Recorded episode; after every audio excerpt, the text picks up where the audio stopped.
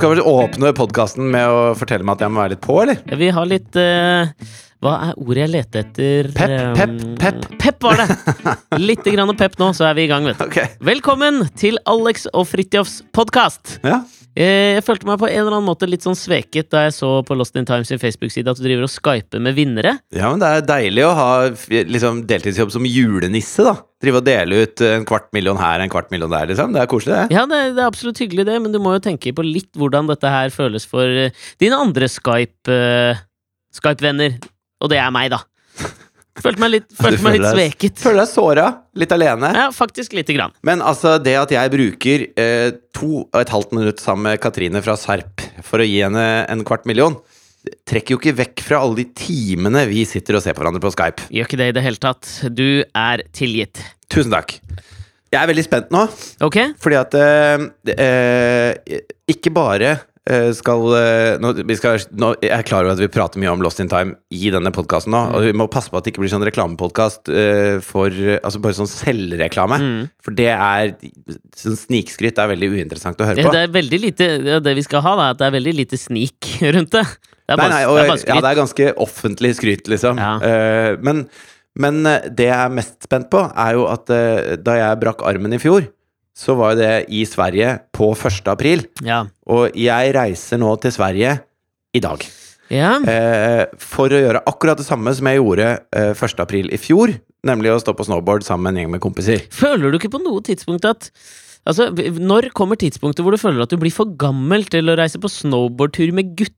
Og det er selvfølgelig gutta i gåsetegn. Det er det- er gutta i Jokke og Valentinerne-sammenheng, liksom. Vi er gutta som har opplevd alt, og vi, og vi gidder ikke å gi slipp på mer.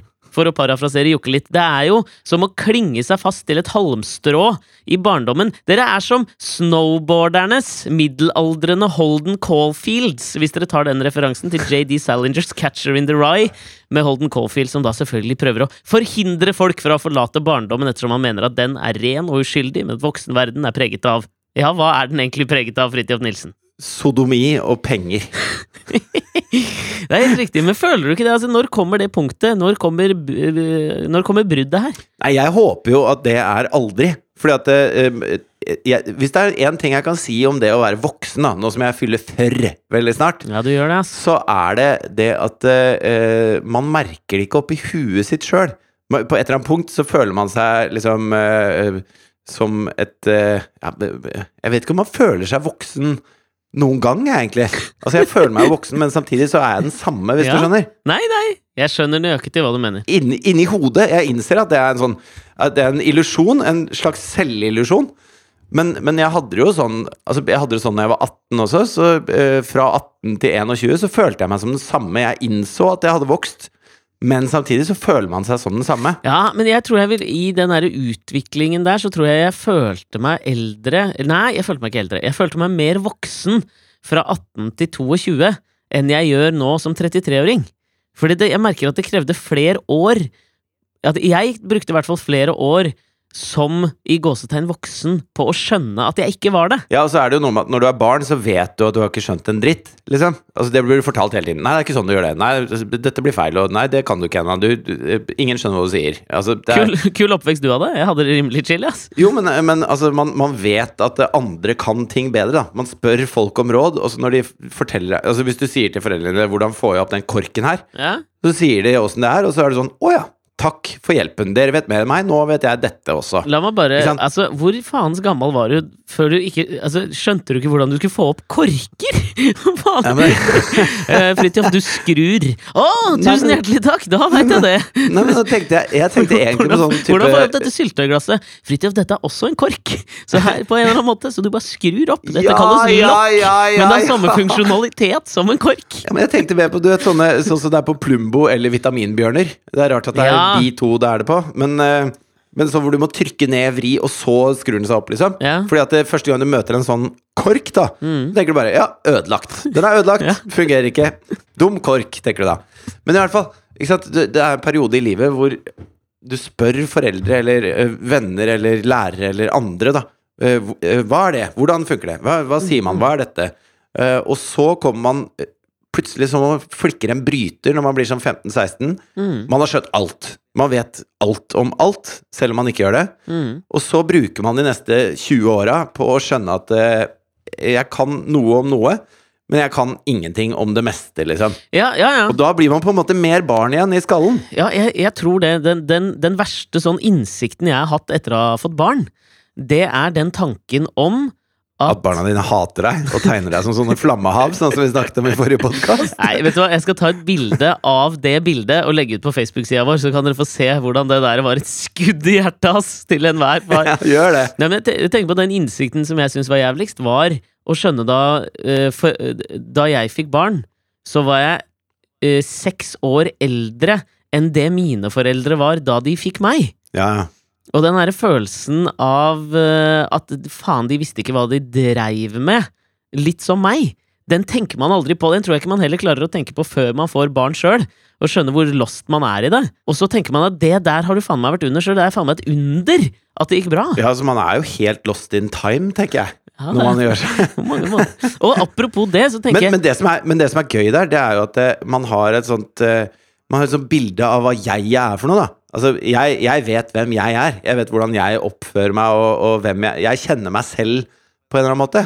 Men eh, jeg hørte et intervju med en, eh, en eh, jente som eh, Eller hun var jente, og så tok hun i 30-åra en kjønnsskifteoperasjon. mm, Eh, og da har hun jo levd da fram til det som, som lesbisk, på en måte. Og hun var veldig feminist og aktiv i politikk og var liksom veldig på plass når det gjaldt de tingene der. mm. Og så når hun tok den kjønnsskifteoperasjonen, så fikk hun jo ganske ekstreme mengder testosteron da, for å få kroppen til å forandre seg. Ja.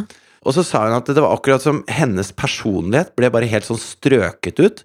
Og hun var en sånn der sydende eh, kåthet døgnet rundt. Som Hun kunne stå ved kaffetrakteren og bare bli dritkåt av at det rant sånn varm væske ut av en åpning, og alt var knulling, da. Hvis hun gikk bak en jente, så gikk hun og bare stirra på rumpa hennes sånn at hun holdt på å tryne. Og så måtte hun da akselerere for å gå rundt og sjekke puppene. Og det, det, det går jo ikke an å gjøre uten å bli ferska i det. Og hun var klar over at hun var blitt en mannsgris, liksom. Ja, eller, eller, eller så enhver tenåringsmann. Ja, ja, men, men man sier jo at de som eh, De som når som helst bare kan eh, Altså, de som bare har lyst til å ligge med For hun sa at det, hvis det var sånn at eh, Det trengte ikke å være folk som var attraktive i det hele tatt. Altså Hun trengte ikke å synes at personen var attraktiv eller hyggelig, men hun bare fant én ting som var litt ålreit med den personen. For eksempel, det var noen fine sokker hun hadde på seg. Da bare lyste det knulle i panna, liksom. Yeah. Og så sa hun det å få liksom hele personligheten sin strøket ut, og bli det man har forakta hele livet, Mm. det er litt sånn skummelt at det, at bare man får noen nanogram mer testosteron i blodet, så er bare hele personligheten borte vekk, og du er en knullemaskin av en mannsgris. Det er veldig snodige greier. Jo, men eh, det er gøy å, å, å tenke litt på dette her med, med hvordan den Holdt jeg på å si Prosessen i å finne seg sjøl, kanskje finne forhold til foreldrene sine, også eh, endres fra kultur til kultur, ikke bare fra kjønn til kjønn heller. Fordi rett før vi starta å spille inn podkasten her nå, sitter jeg på kontoret, og du sitter på et annet kontor, vi sitter på Skype. Mhm. så så jo du også at det, det titta inn en eh, kollega av oss. Hun er eh, fra Russland, og hun fortalte meg en historie som rystet grunnvollene mine for hva eh, parenting eh, kan være. Ja. Eh, og hvordan det foregår andre steder i verden. Hun, eh, hun vokste opp med russiske forsker- og vitenskapsforeldre. eh, og er en, en dame som er særdeles på plass. Liksom. Hun har gått på MIT og studert nukleær fysikk. Altså, dette er en smartass. I Platons hullelignelse så er den, den hullen er helt opplyst for henne. Ja, det, hun har elektrisitet i hullen, på en Ja. måte. Ja. Men så satt vi og snakka i går, da. øh, litt om dette her med å utforske droger. Og hun leverer da følgende historie om hvordan hun endelig fikk en, på en måte, en følelsesmessig connection til sin far. Ja. Eh, og det som skjedde, var at hun var ganske, hun var ganske ung. Jeg husker ikke helt hvor gammel hun var, men vi snakker liksom under, godt under 18 år, tror jeg. Men ikke seks år. Nei, nei, nei da, men hun var tenåring, da. Ok, ja. Og, og, og, og hadde vokst opp med en, en eh, Hvis vi på en måte skal generalisere og bruke alle fordommer vi har, så ser vi for oss en russisk far som er vitenskapsmann, og som har pushet datteren sin til å være profesjonell ballettdanser. For det har hun selvfølgelig også vært. Han er sånn, eh, en blanding av Putin og Finn Aamodt, på en måte. Ja, eh, sånn, Det er min fordom. Ja, ok, greit. Og så har de alltid slitt med å, å, å, å snakke sammen. De har, de har liksom aldri hatt en eller annen noen, noen følelsesmessig connection. Nei, men russisk er jo veldig vanskelig språk, da. Jeg tror ikke det har noe med språk å gjøre. okay. Jeg føler at det heller har noe med attityden. Ja. Men hva vet jeg? Ja. Jeg tror, ikke, jeg tror ikke det var språket som var barrieren. Nei, altså både Tolstoy og Dostojevskij har jo lykkes godt på russisk, så det er et språk det Ah. går an å kommunisere på, i hvert fall. Det går! Ja. Men det som skjedde da, var at i, i vitenskapskretsene rundt moren og faren, så var det noen av deres kolleger som begynte å utforske litt mer psykedeliske stoffer. Og så bestemte da foreldrene seg for at de skulle også prøve å utforske innover. Altså, i Norge så er det ikke Det er ikke på en måte eh, akademia som er hardest på ecstasy og LSD i Norge. Jeg, jeg veit ikke, altså! Nei, men tror du det? Tror du at de sitter liksom i eh, i- Altså de som jobber med solenergi på Vestlandet for Orkla og Hydro og sånn, at de sitter der og bare flipper helt på LSD? Nei, men jeg tror at oppe på SV-fakultetet så er det noen som er ute og tripper titt og ofte, ass. Ja, det tror jeg altså, men det er en helt annen gjeng. Det er ikke de som er Altså Hvis du er en vellykket vitenskapsmann i Russland, så ha, da har du noe å skilte med sånn akademisk, liksom. Det tror jeg ikke nødvendigvis det har på ungdomslæren til Sosialistisk Venstreparti. Men nå, Ja, er jo ikke. Du har gått så lite på Blindern. Det står SV-fakultetet står ikke for Sosialistisk Venstrepartis fakultet. Men det kunne det gjort. Det kunne gjort Er det sosialvitenskap? ja, hva er det for noe, da? Vet du hva? La oss for all framtid si at det er Sosialistisk Venstreparti-fakultet. Fordi det henger på greip med menneskene som går der, vil jeg påstå. Ja, hva, du må jo si hva det er for noe, da!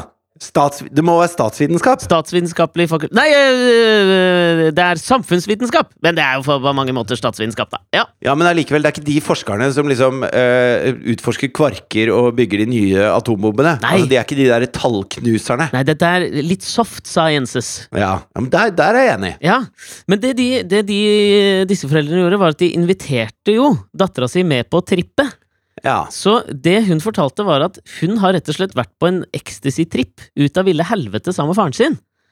Og det var der, det var først der, da de, da de sammen trippa på ecstasy, at de klarte å snakke sammen og få en følelsesmessig connection. Og hun fortalte at da satt de bare i fire-fem timer og snakket seg gjennom alt de hadde usagt med hverandre. da. Og at etter det så har forholdet dem imellom vært helt fantastisk. Så hun fikk ikke opp korken på vitaminbjørnene før de trippa på ecstasy? Det er det du prøver å si? Ja, helt riktig! Men det er jo deilig, det, det er liksom deilig å se at uh, Nå skal ikke jeg på en måte være noen um, noen rusapologet, men eh, det er jo fint å se at det kan jo ha noen positive effekter. Bieffekter, dette også. Jo, men jeg, jeg tror at uh, Altså, dette er som du sier, dette er veldig kulturelt betinget. Jeg tror Hvis Ja. du hadde kommet på skolen i 7. klasse og bare sånn Jeg hadde så jævlig fet syretripp med mutter'n i går, og hun viste meg åssen dette lokket skrus opp, Ja, så hadde jo du bodd i et fosterhjem på Kolbotn, på en måte. jeg hadde jo det. Men det at hun forteller deg det om sine foreldre, betyr jo at det er en annen takhøyde da for sånne ting. I Russland, sikkert. Ja, og Det er rart også at jeg reagerer på den måten hvis, hvis en, en av våre norske kolleger hadde sittet og fortalt den historien, så hadde jeg tenkt umiddelbart Shit, du uh, hadde en kjip oppvekst. Men når hun forteller det, bare fordi hun er russisk, så tenker jeg oi, for en uh, eksotisk jævla oppvekst. Det, er- det synes jeg altså Jeg, jeg fikk et veldig sånn sterkt innblikk i uh, hvordan kulturelle forskjeller eh, påvirker eh, Ok, dette er en søkt bro, men vi tar den allikevel. Kom nå med den. Fordi at det, det har jo blitt litt varmere her i Oslo de siste dagene. Oi. Så jeg har åpna vinduet på soverommet. Været! Stopp pressen! Nei, nei, men eh, jeg skal til noe. Ok. Og, og så har det av en eller annen grunn de siste par nettene har det vært jævlig med, med eh, greier som skjer midt på natta utafor vinduet vårt. ok. Så uh, Først så var det en bilalarm som gikk, som gikk så lenge at eh, de kom og taua bort bilen med alarmen tutende, liksom. Yeah. Da er du lei. Mm. Og så uh, hørte jeg en uh, slåsskamp. Altså det var noen som bare Hei, motherfucker! Og så løp etter hverandre oppover gata. Så uvant at noen roper akkurat det. Ja, nei, Jeg følte det var ganske sånn slåsskamp uh, Slåsskampvanlig, egentlig, å rope akkurat det. Ok. Og så, det verste var altså en sånn damestemme som skrek og skrek og skrek. Og da Dette har jeg jo vært med på før, for lenge siden. Ja, det har du. Det har du fortalt om òg. Jeg vet det. Men eh, nå tenkte jeg skulle kikke ut av vinduet for å se hva det var. Ja. Og så kunne jeg ikke se noe. Og akkurat når jeg kikka ut av vinduet, så, så ga det skriket seg, da. Men da hadde det vart i liksom et par-tre minutter, som er ganske lenge skriking. Og, og så var det en fan som drev og ropte, så idet du titta ut, så bare Da ble det stille. Nei men, og, så, og så kikker jeg ut av vinduet, så ser jeg ikke noe, men jeg ser at på andre sida av gata så står det en fyr eh, med mobiltelefonen, og så sier han I'm calling the po-po! Hva skjer med. Hva, Bor du i Brooklyn, eller? Ja, det var det jeg også tenkte. Jeg tenkte altså Po-po! Ordet po-po. Det er det jeg mener. Altså, hvis jeg Én ting er å bruke det sånn derre Og så kom snuten Altså, jeg vet ikke hva, det, hva den norske varianten av po-po er, ja, men det må jo være Bayers. Så kom Bayers, da. Ja, eller et eller annet eh, Og når du bruker det i Du forteller en historie, eller bare Fuck you, po-po Altså at man er sånn, da. Men når du kommer over Man er fortsatt døv når man sier det. Altså. Ja, ja. Men når du, da, når du da kommer over en alvorlig situasjon, og så sier du 'faen, nå ringer jeg politiet', liksom. Når ordet, ordet du bruker på politiet da, er po-po, Da er du gangster, ass. da er du så jævlig gangster! Og det var derfor jeg tenkte, hvis, hvis han som sier po-po, hvis po-po er en del av dagligtalen hans, og han ringer politiet, da trenger ikke jeg å engasjere meg lenger. Da, da, har, da kommer politiet, liksom. Ja. Men det er jo sånn uh, Ja, der har du den broa mi. Altså, uh, kulturforskjell. Po-po. Det, det var Det var bra! Godkjent. Jeg synes det var så jævlig fascinerende. Jeg fikk jo ikke sove etterpå, for jeg lå og humra og lo at han sa liksom I'm a call in the po-po.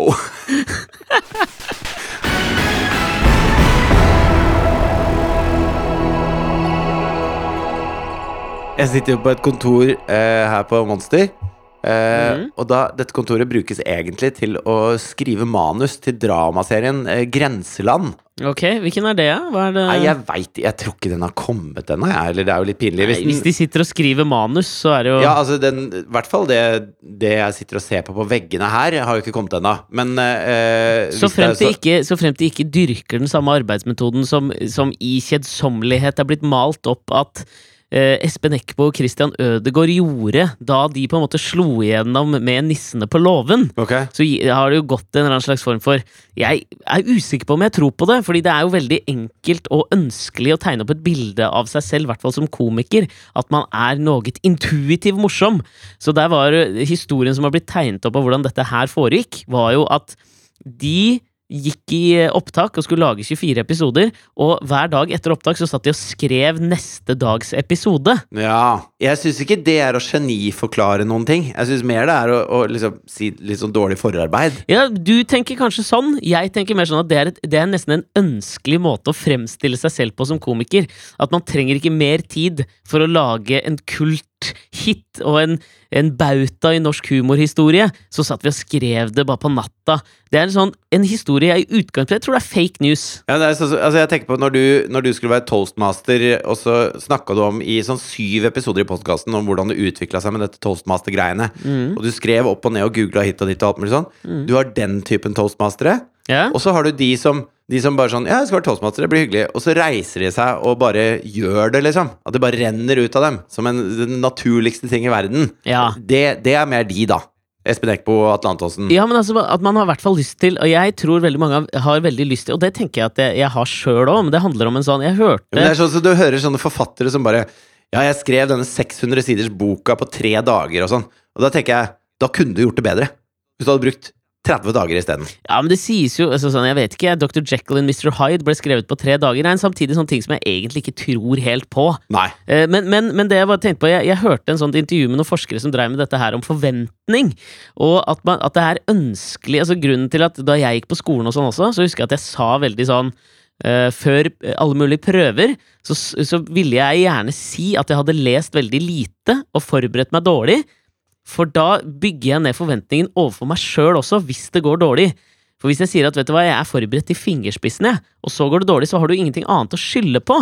Og det er en veldig naturlig psykologisk refleks hos mennesker. At man har lyst til å bygge ned forventningene, fordi hvis du sier det på en eller annen måte, så er det sant, og også overfor deg sjøl. Jo, men det er jo sånn der, det, er- det er sånn som har irritert meg alltid. Sånne folk som bare Når du kommer ut fra eksamen og så bare Ja, åssen gikk det? Nei, fy faen, det gikk, det gikk helt til helvete. Det var dritvanskelig, syns jeg. Å, jeg ble best i klassen. Mm. Ja, altså, sånn sånne folk hater jeg. Sånn Var. er. Var. Det er ikke sånn lenger nå. Nå er jeg mer åpen på det, ikke sant? Ja. Og det er det jeg mener også, at man skal jeg, jeg abonnerer ikke lenger på troen om at det bare skal renne ut av folk. Jeg setter mye større pris på de som forbereder seg dritgodt, men får meg til å tro at det bare renner ut av dem. Og så kan det gjerne bare renne ut, men så må man gå og være redaktør for seg selv etterpå. Hvis du skal skrive en bok eller holde en tale eller lage en eh, 24 episoders julekalender på TV Norge. Ja, Det eneste hellige unntaket for den regelen må jo være hvis du lager tre podkaster i uka. Da kan du ikke drive og forberede deg til hver eneste en. Da må du sette deg ned, og så må du bare la det skje. Plutselig merka Jeg jeg en veldig det laissez-faire-holdning til glasshuset som ble bygget her nå, hvor jeg satt med Ja, men det kampesteiner er det jeg mener. Det er bra å kaste stein i glasshus, for vi veit hva vi prater om. Hva gjelder å ikke være forberedt og bare la det renne ut av seg. Det blir ikke alltid genialt, men noen ganger blir det det. Jeg kan komme med et veldig godt eksempel på det. Altså, det vi starta å prate om nå, var at jeg, eh, jeg lo litt, og så spurte du hva er det du ler av, og så begynte jeg å si nei, jeg sitter på et kontor. Ikke sant? Mm. Vet du hva jeg skulle til? Nei, ingen anelse. Vet, det er så smått og så ubrukelig at, eh, at det er beviset på at vi ikke forbereder en dritt. Eh, Det er et stort bilde av Tobias Santelmann her, og så står det Kjekk! Tobias Kan jeg skyte inn én ting om Tobias Santelmann da, for å bare bevise enda mer at vi ikke forbereder oss? Han skal for øvrig spille en rolle som heter Nikolai i den kommende serien Grenseland. Jeg kan jo røpe det som skjer. Her står liksom hele plottet episode åtte og sånn. Oi! Ja.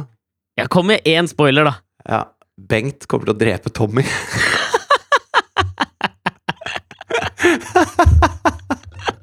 Nei, det er i episode seks, forresten.